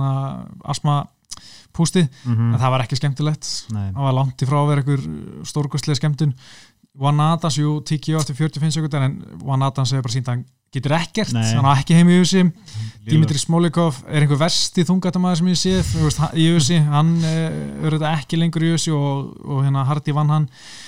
Og þú veist þetta er, ég nennis ekki. Nei, ég er eiginlega bara nóga þessu. Já, setja hann á móti, Derek Lewis eða eitthvað? Já, er lúið sem þetta elska. Það. ekki, Já. bara lemjan það var í heldur fínt, þetta er orðið mjög þreytt sko. og Mhm. þú veist ég, ég trú ekki að það sé að gera eitthvað fyrir þessu alveg. Nei, sérstaklega, þú veist, þú veist, með Donald Cerrone og Pettis. Mm bara, þú veist hvað er það að hugsa, sko? Og svo vísandi Luku Nico Brass, þessu allir þetta er ekki að gefa bara það var alveg Hen- Hen garantít, Já, sko. hendur því, opnum peiperið og bara mm. fullt af fólki að horfa sínum hérna tvo gegg- geggja gæja en ekki eh, tvo gæja sem eru er ekkert spes pirrandi fyrir, fyrir Nico Price og, Mm, og já, Luke, sko en ég menna, já þeir fengu ekki bónus held ég. Nei, og bara fengu miklu minni aðtegli já, en uh, já, náum hann bara það Antoni Pettersson, Donald Cerrone, hafa góðu bara það Já. sérstaklega þriðalóta og bara kom pínu óvart hvað Seróni var góður fannst mér. Aha. já, ég einhvern veginn var farin að halda bara hann væri einhvern veginn búinn veist. en hann svona einhvern veginn va, virkaði fókuseraðar og var bara alveg, alveg til í þetta já. Þannig að, já það komir alveg orð hvað Pettis er góður. Ok, Ka kannski eru þeir báðir ennþá lélegir en bara á móti kurmur geti verið. En veist, þetta var, var fýtt bardagi mm eh, ekkert, ekkert, eftirminnlegu þannig séð en, en solid og mér fannst etjan já, en allt í lagi, ég, ætla að geta hvart og mikið yfir, yfir dómara úrskurinn nei, mér varst Pettis uh, ég þetta skilið sko. Ok. ég var að skora það í hausnum. En hérna Pettis bara fýtn en alltaf að skrýta að sjá hann í, í veldivitt það var alltaf með svona alltaf með svona smá hlýðaspikk mm, finnst það bara svona skrítið maður svo vanar að sjá hann svo í lettveldinni bara helskorinn og lítur út eins og fætir íþróttamæður já, mjúkur. Það var svona eitthvað til að klípi hana mm. en ég er ekki að ég segja fatsjaman en ég menna þetta er aðturinn íþróttamæður og maður býst við aðeins svona smá uh, effort eitthvað en ég menna fínt fyrir hann að ná sigur en Mm. hvað sér honi, hvað fjögur töpur unnuna já, við náttúrulega vitum að hann er, hann er bara að fara að halda áfram sko. já, þannig að þú veist, ég veit ekki hvort það er ykkur að þýðingu hann mun örgulega ná sér í tósigraði rauði núna og Já. við verðum búin að gleyma þessu já en það lítur að koma tímið það sem þetta stoppar það sem hann hættir að ná þessum tveimur sigurum sko verður að, þú veist, þú veist hvaða gæði er hann að fara að vinna núna eða hvaða gæði er hann að fara að móti núna já, hvert setja hann á móti þú veist, Mm. það er eiginlega málið sko. Ekki setja hann á móti ómiklum killerum sko. nei, nefnilega, sko, maður vill eiginlega ekkert sjá hann hann gamla kúrika fá of mikið höggum núna, sko, mér Nei. finnst að við erum búin að taka það mikið damage að, auðvitað væri maður til að með að hætta, maður veit bara að hann er ekkert að fara að hætta, mm -hmm. bara sjá hann ég veit ekki, fá Damian Maia eitthvað svona, þú veist, eitthvað sem er ekkert að vera meiðan Mm þú veist, ekkert það mikið. Gunnar Nelson var mjög gaman. Já, ég geti samt alveg, þú veist, ef Gunnin er niður, hann er að að hann, sko, Já, að ég veit ekki veit ekki með það, það var samt alveg skemmtilegt, ég sko. það Já, ég myndi alveg fylga mm Segir hún er alveg, alveg til sko. -hmm.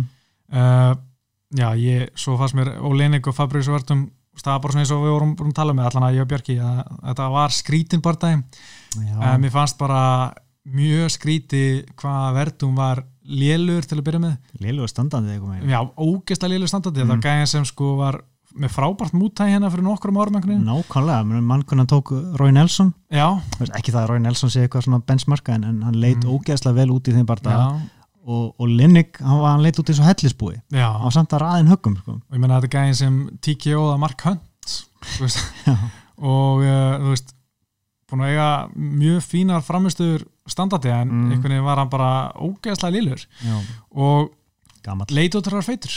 Já, gamall og fytur bara, sem bara veist- búinn já, ég meina hann var að koma núna af tveggjara Júsata banni, búin að vera í Júsata landi að hérna bara greinlega geta Mhm. og ekki æfa viti.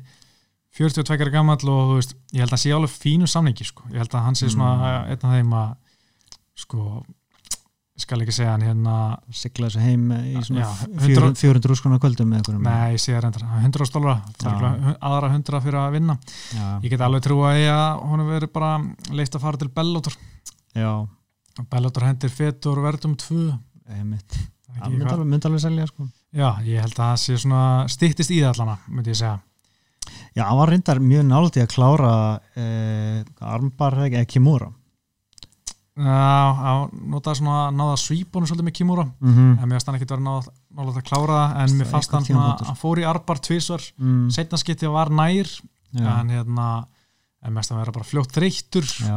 og bara ekki lítið vel út Hversu geði þetta verið og Linnik hefði náðu sínu? Síkiltjó, Sigil sko ég var að horfa á þetta með nokkrum velvöldum Mm. og sko ég sagði ef og Síkil, nei ef Leining næri eins og í Síkiltjó skal Mhm. hlaupa allsbyrri kringum húsi ég er bara að hugsa, það er ekki sjens Það er það ekki sjens ekki mútið heimsmyndstara sko. nei, ekki mótið ADC-semestra en Nei. sem betur fyrir gerast ekki en, en já, hérna ég hafði bara enga trú á Leining sko, að eitthvað í gólfið með verðum að gera. Nei, en hann var miklu betri standardi. Það, mér fannst það ótrúlegt. Það var eiginlega magnað sko. ég mein, gaf Ólinnik ekki neitt möguleika fyrir hann að barða Þannig, að- en það er svona ellin, ellikelling ég held að það bara verið það. Já, já, og hérna ég bara ánægð með Oleinik, ég, veist, ég hef smá Mhm. gaman á hann hann veist, lítur oft ágætlega vel út til að Mhm. byrja með og svo bara fjara hann fljótt út. -hmm. en ég menna hann er búin að vinna núna tvo röð, hann vinnur alltaf svona 2 og 2 mm þetta er bara veist, hann er búin að vinna gæja eins og Krókop uh, hérna Travis Brown, Mark Hunt og Verdum. Já, það er Og allt- gott. þegar hann orðin færtur. Þetta er bara, og það er eins þunn, og þunga henni núna, það má hann alveg hanga hann já ég menna sko hann er komið núna já hann er að þetta inn á top 15 held ég. Hvað með bara Greg Hardy og, og Linnick já, sko ef, ef Ólinni getur söpað hann, já. Mm. það væri nú alveg að ég veit ekki. Ég var að freka bara til að sjá sko Greg Hardy og fara á móti Sergi Pavlovic að ég veit að Sergi myndi meiðun já, já. eða hérna Volt Harris kannski eða Mm. Óverim þeir eru að fara að berjast. Eða Rosenstruk já, Óverim og Harris um helgina. Fyrir maður að segja það til Já. svo var sem við kallaði Sparsa og Missile Watersson bara mjög leiðileg bara dæm oh my god, ég speysaði út í þeim Já, já. þól ekki svona svona eins og, eins og points bara í, í karate Já, og mér varst samt Watersson vinna en geti ekki meira saman Vísandi Lúka og Nico Price úst, þetta var sjúkur bara alveg geggjaði bara dæm og hérna ég er ánægð með hvað Vísandi Lúka er alltaf í skemmtilegum bara dæm það er Mhm. alltaf klikka gaman að á hann. Mm -hmm.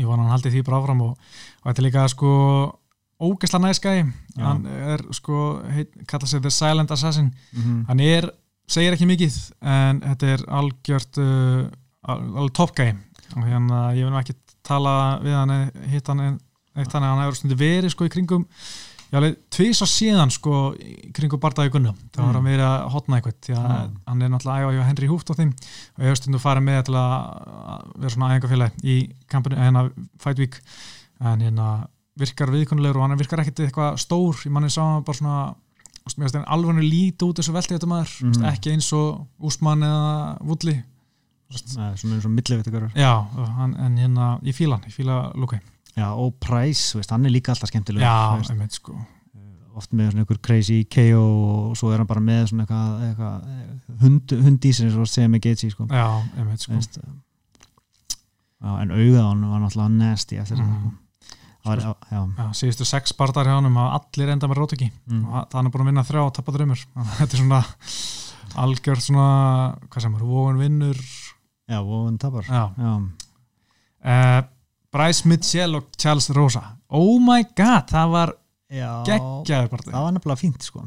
Fínt, þetta bara, sko ég ég, ég var að horfa á þetta í símanum mínum upp Ok. í eitthvað það var, ok, ekki geggjaði barða en það var geggju framvæsta hjá Mitchell. Og já, Charles- herra, ok, nú þetta ríðast upp fyrir Já, mér. ok, já, það var bara glímu klinik. Ok, já, hann pakkaði hann saman taka, sko. og líka rosa svartbeltingur á Já, gólfinu en já, Mitchell leitt fáranlega vel út. Einmitt, þetta var fáralega góð framvæsta hann reyndi þrís var að fara í tvistinin mm, já, já, Já, já, já, já, sko. já, hann ætlaði að ná já, ég held sko, ég veit, ég er ekki með formlega official tölfræði hennan en hann ætla bara tveir tvistar í sögu ösi, hann er Mhm. með annan og hinn hennar Chelsea Korean Zombie með hinn.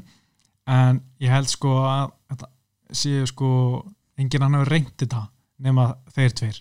En hann reyndi að þrýsa núna einu kvöldi. Mhm, náði ekki, en þú veist ef við tölum um twistir attempts held ég að sko sé enginn annan nema þeir tveir. Nei. Hann var með gott setup í þetta, hann var einhvern veginn alltaf komin Mhm. með löppina. Já, og Charles Rosa voru gláð undirbúið sér fyrir þetta, hvernig hann á að verjast. Og þetta var, ég er alveg viss um hann hafi verið, sko, mm. fundið hans fyrir þessu í hálsunum og, og svona bara veginn eftir þetta. já, menn hann var með takið alveg bara þegar Bjallan ringdi þannig að ég var ekki lótu töðu eða eitthvað Já, Ef ég man rétt. svona- ég man ekki alveg, Nei. en vel gert uh, já, Bryce Mitchell og mér langar að sjá hann á móti, sko Krón Gracie, því mér langar að sjá svona fundamental jiu-jitsu Mhm. á móti þessum gæja, að ég held að þessi gæja sem er ógeðslega gott MMA jiu-jitsu já, Mér langar að sjá það á móti hérna Gróngrisi eða einhver svona, jafnvel Ryan Hall já það var gaman ykkur samsetning af þeim þreymur væri góð sko Já. en var svona einhver hefur meiri trúa á þessu fundamental Dæmi, sko. sko. Mhm, mhm. ég held að, ég held að þeir sé ekki að fara hvoru þeirra sé að fara að vinna Krón Gracie á gólfinu sko. Nei. en já, gaman að sjá það það geti alveg típist að hérna að Gróngrisi og þeir ætla ekki að glíma, þú veist já. svona eins og, þú veist, bara margir Við, vitum, við vitum að Ryan Hall er að fara að rúla í eitthvað sko. já, já, en uh, ég veit ekki alveg hvað hvort þetta píp heyrist, en ég veit ekki hvað er og vonum að það sé uh, hætti Mhm. en hérna en hverjum þennan viðburð langum aðeins að tala um sko bara þetta sko COVID ástand. Eða, COVID bardakvöldi sko fyrsta lagi sko mér fannst það margt skrítið við það sko hérna þegar vorum, vorum að gefa út fyrirfram að hérna er engin viðtöl í búrunu heldur bara að myndi allir fara beint baksviðs og hérna þar var viðtölu með svona headset. Er svo bara fyrstu barda Joe Rogan að tala við gæjan Og mjög með honum og heilsast taka hendur hann og svona ekki með mm, grímu. Já, og svo hans mér líka mjög skrítið sko, Joe Rogan, John Anik og Danley Cormier sátt ekki saman, heldur Mhm. svo sikkur hóttunum svo í byrjun á papiru og stóðu allir saman Já. og tala saman, þú veist, Til hvers? nefndu bara, ég veit ekki af hverju sittum svo langt frá og svo megu standa svona hlið við hlið ég veit, ég bara ég náði því ekki, bara mér finnst það Nei. ótrúlega fyrirlega og þetta var svona þetta margt skrítið og svo náttúrulega skrítnast að vita allt þegar kom í Svo ljós á löðunum að Shakari var með Rona, Corona. Já, og bara, veist, konan hans var með þetta. Já, ég hef aldrei fengið það staðfest, var það konana sem var með, það er það sem ég heyrði. Ok. Já, ok, ég kannski ekki með það nógu staðfest en það er allan það sem ég las eitthvað staðar. Já, og ef það er rétt og Mm. þú veist að kona henni með þetta Já. þá, þá bara, heyrðu strákar, ég kemst ekki nákvæmlega sko Er það maður hefði nú haldið það en Já. hérna, hann mætti, let, fóru test let Já. vita að hann væri með COVID að, hérna, að, nei, að hérna, fjölskyldu meðlumur sem hann hefði verið í tengslu við, Mhm. væri með COVID og þá var sagt, já, hann var umsöðlust færður í einangrun en síðan sá maður hann, var í viktuninni Mhm. þar var hann að blanda geðið í Fabrísvertum Mhm. voru hotnamennunir, vissu þeir að þeir eru með COVID, eru þeir búin að smita einhver á hótelinu Einmitt. síðan er einhver starfsmenn á hótelinu, veit ekki þeir sem er COVID, þeir smita aðra verður smit á hótelinu, svo bara barndagöld aftur á morgunum miðvikudaginn, menn að koma og menn að fara þú veist, sama hótel, ekki? já, sama hótel sama höll, allt sama staff Mhm. og veist, er, eru við að fara að sjá smit núna út frá þessu eina smiti á sekari, Mm. við vitum það ekki og ég veit ekki hvort að menn einhvern veginn komið ljós hvort að menn verður bara svona, herru, svona ss, ekki vera að tala um þetta skilur Já. Vist, einhverju fætarar, kannski hérna verðum bara, herru, ég er með COVID að því hann var í kringum sjakari hana Einmitt. á þessu vídeo, og veist, ég veit ekki hvort það mun ekkert koma fram en þú veist, við vitum ekki hversu vel þessi viðbyrg gekk fyrir en við vitum hversu margir smitust núna sem voru hana, bæði bara starfsmenn Mhm. og hérna, dómarar og fætarar og allir pakkin Já. mér varst þetta ótrúlega steikt sko Þannig kannski verður þetta ekki Anthony Smith kvöld heldur en Anthony Smith kvöld Nei, nei, jú, Já, ég, þetta, er, er furðulegt sko en veist, Mhm. þeir alveg fá propsur að reyna þetta og, veist, þeir voru að testa alla og, en veist, er, þeir, þeir, þeir þurfu eitthvað að pröfa sig áfram. Já, það er málið, þau þurfa að pröfa svo áram af hverju er það með back to back viðbyrði átta kvöld á þrejum dögum. Nei, sorry, þrjú kvöld á átta dögum mm mér finnst það mjög skrítið svona, þú veist, þeir eru að prófa sér fram og þeir eru ekki alveg búin að niðurnegla allt því að þeir þurftu þetta bara eitt kvöld til þess að svona sjá hvernig þetta myndi fara. Já, þá finnst mér svona eftir að higgja að vera pínu þú veist, auðvitað, auðvitað gaggrinni hennar sítandi í einhverju stúdíu í Íslandi skilur, Já. en hérna og er, og er svona mikilvægt að hafa bardagkvöld á miðugudegi, þú veist, Mm, hver, hver er svona margir að fara að horfa, að ég veit ekki, Mm. jú kannski. Einmitt, það er mjög ástæðan pínu skrítið svona eftir að vera alveg þröngu þessu onni í okkur hérna, Mhm. þegar við sem ekkert hvernig þetta fyrsta kvöld myndi fara. Og ég meina fætir að voru að fara uh, mæta til Jacksonville á sunnundeginum mm sem er að berjast núna morgun miðvikudegi. Og kannski einhver hittast þar, veist, smitt þar jari jari, Já, þetta verður allt skrítið og af hverju þessi styrdón í vikturinn já einmitt, það var ekki að sleppa því, því. skilur það er engi bara eitthvað, ó ég sá ekki styrdóni nei, Nei, þú þá, veist. þá er allt ónýtt Já, þú veist, það er allum tannig sér sama skilur Já, þetta er nice, nice to have sko. þetta er gaman í alvöru viktunum árendur svona Já, stemning, mhm. en þú veist í einhverju formulegur viktunum, einhverju hóteli verið framan einhverja tíu Mm. fjölmjölega þú veist, það er þetta hálf svona steikt. Alveg hægt að sleppa þessu, Mhm. þú veist á meðan það er COVID allana en já, já þetta, var, var skrítið sko. Það er áhugavert að sjá breytingarnar núna annarkvöld þannig að já, algjörlega. En ég menna uh, svo já, það verður bara komið ljós. Og var hérna eitthvað svona er búið að koma einhverja fréttir um að allir bardamenn og líka fjölmennar sem voru voru látni skrifa undir eitthvað plagg. Segir að Já. meiga ekki gaggrina eða eða gaggrina bara frank, framkvæmdana á þessu mm, þá fá þeir ekki borgat hvað ruggli það Já, en svo er deina að segja herru, þetta er ekki, svona heldur er þetta ef þeir gaggrinn eitthvað sem var ekki rétt eða segja, þú veist, "Ó, ég fór ekki próf en fór í próf, Mm. þá væri hægt að taka pörsið, Nei, eða ljúga. hluta pörsunum Mm. en svo er ég búin að sjá lögfræðinga vera að segja að það er bara ekki rétt í deina heldur var þetta bara 100% eins og eh, hefur verið tólkað í fjölmjölum að þú veist, UFC, en þetta var það loðið orðala að þetta er mjög erfitt að þetta, að, mjög ólíklegt að þetta myndi svona hold up in court eins og segja, ah, okay. að þið gætu tekið bara hluta af personu eða, já, svo dyrfist alveg gaggrina hérna frangatina á þessu en uh, svo er þetta bara líka frekar svona eitthvað hræðslu Já. áraður sko, í staðan að svona, ætlu aldrei að eitthvað taka en bara svona, herri, reyna að þakka niður í einhverju sko, ekki- ef- ef þeir hérna- ef eitthvað hefur klikkað, skiljum ég get ekki sagt að þessi eitthvað, eitthvað sjokkar á þessari hjá UFC sko. Það er ekki, ekki skóladrengir þannig séð sko. nei, nei, nei, Þannig að, æ, en þetta er ekki lægi sko. nei, þetta var mjög, mjög sérstætt sko en uh, ætlum bara að slúta þessu barndagkvöldi, við við erum hérna smástöndi Já. viðbót uh, bara aðeins að kíkja stutlega á kvöldi sem er núna morgun miðugudaginn mm Antoni Smith glóti segra, það er bara fýtt barndaginn Já, ég meina þetta er bara gott test fyrir, fyrir Smith sko. já, en ég held að Smith takk þetta Já, ég meina hann, hann er klárlega miklu sigurstranglegri sko, Mhm. og eina sem að kannski er með, veist, veldur mann einhverjum vafa er hvað Glover er búin að líta vel út undarfærið, þú veist, vinna, vinna þrjá í röð, hann Mhm. er samt orðin hvað, 40 einmitt uh, þannig að ég held að hann sé komin vel yfir sitt besta þrátt fyrir allt sko og, Já. og Smith er búin að líta frábæla út leit vel út móti Alexander Gustafsson Mhm. fyrir stöttum júni fyrra já, já, reyndar það er svolítið langt síðan kannski orðið Klá, klárar Gustafsson og Mhm. bara sendir hann í, í retirement. Einmitt sko, var uh, mjög vel gert þar sko. Já, uh, sko, já ég held að Smith takk þetta bara, ég held að það sé ekki bara söppan, þetta verður kannski TKO þriðalótum, er hann ekki að fara að forðast glímunum? Já, ég held að. Ég, ég held að það sé eiginlega eini möguleikin hjá Glover að Mhm. ná hann niður og eitthvað með hann er með gott top game sko. Já, já, klálega. Og ég menna við höfum séð að, að þegar Glóður er ekkert að fara að leika til létt með þetta niður, mér finnst hann að vera svona þetta er erfitt fyrir hann, hann er orðið svo hægur. Já, en þegar hann er næra svo niður er hann helviti góður. Já, en ég held að hann veri mjög veri erfiðleikum en á Anthony Smith niður sem er auðvitað svarpælti í USA líka. Mhm. og má ekki glemma því. En ég held ekki hann bara að Anthony Smith haldi sér frá svona stærstu vandræðanum og hérna vinni bara. Já, ég grunnar þetta að minna á Alexander Gustafsson og Glover Chisira það sem að, að Gustafsson eitthvað með pikka hann í sundur já, þannig að, þannig að kannski verður þetta bara já, mm beat down sko já, svo er hann að barndað sem ég nú ekkert mjög spenntið fyrir Ben Rothwell og Owen St. Prue Hvað er OSP að gera í þunga? að hann er alltaf bara ekki búin að vera lítið vel út undarfæri Og, og af hverju er þessi barndagi svona ofalega á kartinu? já, það er mjög góð spurning sko.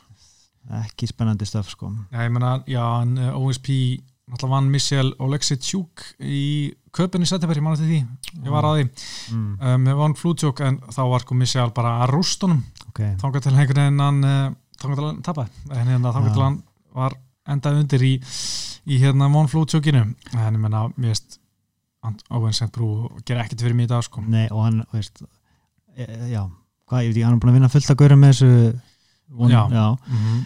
sem er reyndar kallað bara OSP næsti Já. já, en hann er alltaf aldrei að fara að ná því að Ben Rothwell sem er sjálfur svolítið segur í já, og risastór Mm. og veit ég, hvernig allar OSP að vinna sko? já ég veit, ég veit það ekki sko. en ég, ég held að Rothwell taka þetta sko. uh, þetta verður ekki að segja smá rúta veikning fyrir OSB þung, þungvætt já, þannig sjáum til svo er hann sennilega svona, einn- svona mest spennandi barndag kvöldin sem svona, Mhm. veit ekki alveg hvernig er að fara, mun fara það er Alexander Hernandez og Drew Dober það er bara drullu flottu bardagi sko. Mhm. og held að það verði bara stríð báður einhvern veginn svona ungir og hröstir strákar sem Já. er búin að sína flotta framistöðu Dóper búin að vera á góðri þú veist, leit vel út og tímabili átti erfiðan bardaða móti hérna Seroni mm en, en þú veist báðir hrikalega efnilegir gaurar og held að verði bara stál í stál sko.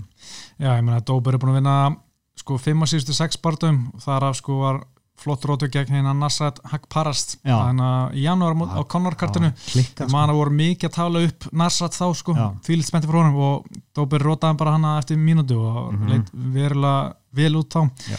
líka Hernandez, ég meina hann uh, tapar fyrir Seróni, mm þar var, var maður að vinna tvo röð og hérna svo leit hann bara nokkuð vel á mútið Trinaldo í júli fyrra, ég að mana, ég er svona Trinaldo er mjög segur, en Já. uh, Hernandez bara tók það, þannig að það var bara flott í honum sko. Ég myndi samt gefa Dóper edge í þessum barda. Já, já, ég hefði reyla bara samanlegar já, en uh, svo er svona veist, það er Ricky Simon, Ray Borg ekki mjög spenntur, Karl Robertson og Marvin Vettori. Jú, Já, það geti alveg verið fínt sko. Langt síðan að Vettori barðist, hann er alltaf töðandi yfir að hann geti unni Adesanya. Já, þegar þeir mættust einu svona og Vettori fór einhvern veginn í splitti sísum gegn hún sem ég enga skilning á því að mér hafast Adesanya klála að taka fyrstu tvær já, en hérna Karl Robertson náði ekki vikt áðan bæði við mm, en, hérna, en hann, hann er nú alveg ágættis efni sko. já, Ekki? nú verður bara aðeins að rifja upp hver Já, Karl með Robertson. minnir eins og hann sé svona prospekt sko. já, hann er uh, 3-2 í USA Ok, kannski var hann einhvern tímann talin prospekt. Hann var í, já, já, ég veit ekki sko, ég man ekki mikið eftir hann. Jú, herri, hann hérna barist á, já, herri ég, Fyrir, fyrir hann tappa var í hérna Dana White Contender Series. Ah, okay. Hvernig og- tappa hann fyrir? Cesar Ferreira og Glói Teixeira í léttnangveitt Mm, já, jú, ég held þessi ágættiskæði já, en hérna uh, sko já, þetta er svona einn og einn barða hérna, þú veist, Michael Johnson er eina móti Tiago Moise sem hann ekki alveg hver er. Svo er, svo er nú svona ekkert mikið magnað hana, en sko karti er á miðvikudaginn. Og það byrjar sko mainkarti byrjar eitt nótuna, Mhm. prílims klukka tíu. Þannig að þetta verður svona daginn eftir dæmi sko. Þetta verður, já, 15. fyrir Íslandinga Já, nema sko náttúrulega maður er náttúrulega mi- minna, minna starfs hlutvalli hann að maður getur kannski bara mætt setna á fyndudaginn Já, ok en, en, ég, ég er bara fullur já, bara fullir í vinnunum Ég er bara Eh, fullur í vinnu Svo er að lögadagurinn uh, Alistair Orim Volt Harris, ég er mjög spenntið fyrir tím Já, ég man ekki alveg hvað er á því karti sko, en, en Já. sá barða er alveg fýtt sko. Sko já, ég held að ég held ekki að Orim sé bara aðeins taklega betri og vinni Harris, mm. Claudia Gadell og Ansel Hill hörkubardæm, Já, já, til að Ég- endilega kveiki mér sko. Já, ég er mjög spenntið fyrir Ansel Hill alltaf. Svo er Dan Ige og Edson Barbosa í fjárvitt Það er sjúkt. IG er mjög vannmetingur Já, ég, hann er búin að vera hvað, fjóra röð. Og búin að vera Já. mjög flottur. Já, og líka magna við hann, hann er MMA umbúsmaður á saman tíma, já, ok. Ég fíla það. Ég er bara ánægður að sjá hann fá stóra barða Já, þetta er, þetta er flott tækifæri. Svo er hérna Song Yadong og Marlon Vera. Song Yadong er hérna kínveski rótarinn, Mm. 22 ára gamall fættur 97 og hann er með sko búin að vera hann var- hann í jafntefli hann síðasta barða en hérna annars er hann búin að vinna fjóra barða og þar af uh, tvö rótök og eitt submission. Ok, búin að vera mjög flottur og ég er alltaf ég er alltaf mjög gaman að horfa á hann berjast. Já, og vera náttúrulega mjög Já. flottur sko. Eitthvað frá Panama eða eitthvað, eitthvað, eitthvað álíka. Í Ekvator Ekvador eða eitthvað, já, Ekvator eini UFC barndamæður Ekvators en hérna, Hann hann, var líka, sko. já, hann er góður. Hann var líka að tala um að veist, hann var svona í vitilega okkur er að berjast í pandemic að hérna faraldri. Mm, og hann bara, veist, það þarf einhver að borga reyninga já. Og veist, ég það bara pinning mm, þannig að hann virtist vera svona pínu svona veist, hann er bara að borga reyninga það er ekki auðvöld hann að æfa Nei, vonandi, hafa sem menn eitthvað náða að æfa sko. já, hann er búin að vinna samt fimm í röð þannig að sjáum hvað hann getur gert á móti Sonja Dong, ég er spennt fyrir þessu bara Svolítið leðilegt í þessu þú veist, ef að menn er að neyðast til þess að berjast Mm. hafa ekki náða að bara, það Undirbúa- fengi tækifæri til að æfa sko. það er gimmið lokað Já. og það er ekkert allir sem að eiga enga gimm og veist, Nei, komast í UFC stöðina þú veist, Mm. í Las Vegas eða eitthvað Ég held að hún sé lókuð. eða það, Já. það er ok En þú getur verið að FaceTime með staffinu þar sko. Getur fengið alls konar tips já, En, en ég held að allt sé lókað þar sko. já, bara hver, hver verður gæði þjálfurinnar þú veist, í Mm. bílskortum hjá þér með Nefnilega sko. UFC og iPadnum Nefnilega sko. En svo er Matt Brown á móti Mikkel Beisa sem hann ekki alveg hver er. En hérna, er nokkur fínu barðar hann á lögutæn. En, eh, en eh, ég er uh, hlaka bara til að horfa á þetta núna í vikunni sko. já, það er ekki bara komið svona uppsöfnuð þörf Jú, bara eina sem ég mun aldrei sagna, mm. það er að fara að vaka Nei. og býða eftir barðum. Sérstaklega maður einn eitthvað. Mm bara já, já, veist, herri, þessi barndagi kláraðist á 5 sekundum -hmm. og það er að býða hennar korter þannig að næsti byrjar horfa einhverja prómupakka fyrir eitthvað kart sem veist, er eftir langa tíma sko. það það er alltaf jægt leðilegt sérstaklega að maður er orðin þreytur sko. ég meina, mein kartið byrjar klukkan eitt hann á miðugudaginn Mm veist, ég reyndi að vaka þarna núna melgina já, eða þú veist, ég var bústað bara eitthvað og, og krakkarnir varnir að sofa og Mm. eitthvað. Ég held ég að sopna hálf tólf. Það var rétt eitthvað fyrstu úf, það var orðin gammal já, kalli ángin sko. mm. en kartið á lögadaginn byrja líka klukkan eitt uh, hennar Já, Veingart og prí, prílins klukka tíu. Já, ég er að fara í uh, matabóð þannig að ég kannski horfa á Veingarti við komin heim frá þá, Já, það verður fínt. En við ætlum að fara að slúta þessu. En Mhm. sko áður en, sko þú ert aðeins að fara að draga í hlið hérna. Mögulega. Ég- já, við, svona staðan, þú ert ekki að fara að vera eins tildækur í uh, skrif og hérna og podcast. Mm þannig að þú verður svona aðeins, aðeins meira fjárhænandi næstu vikunar en ég er með eitt staðgengil í huga sem, uh, og þá munum kannski aðeins breyta svona pælinguna á podcasti.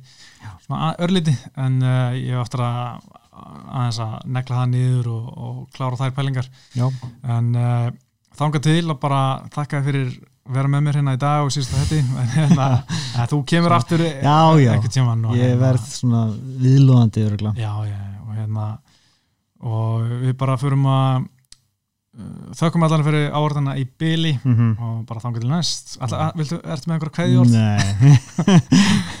Heri, þá bara þökkum fyrir okkur og verið sæl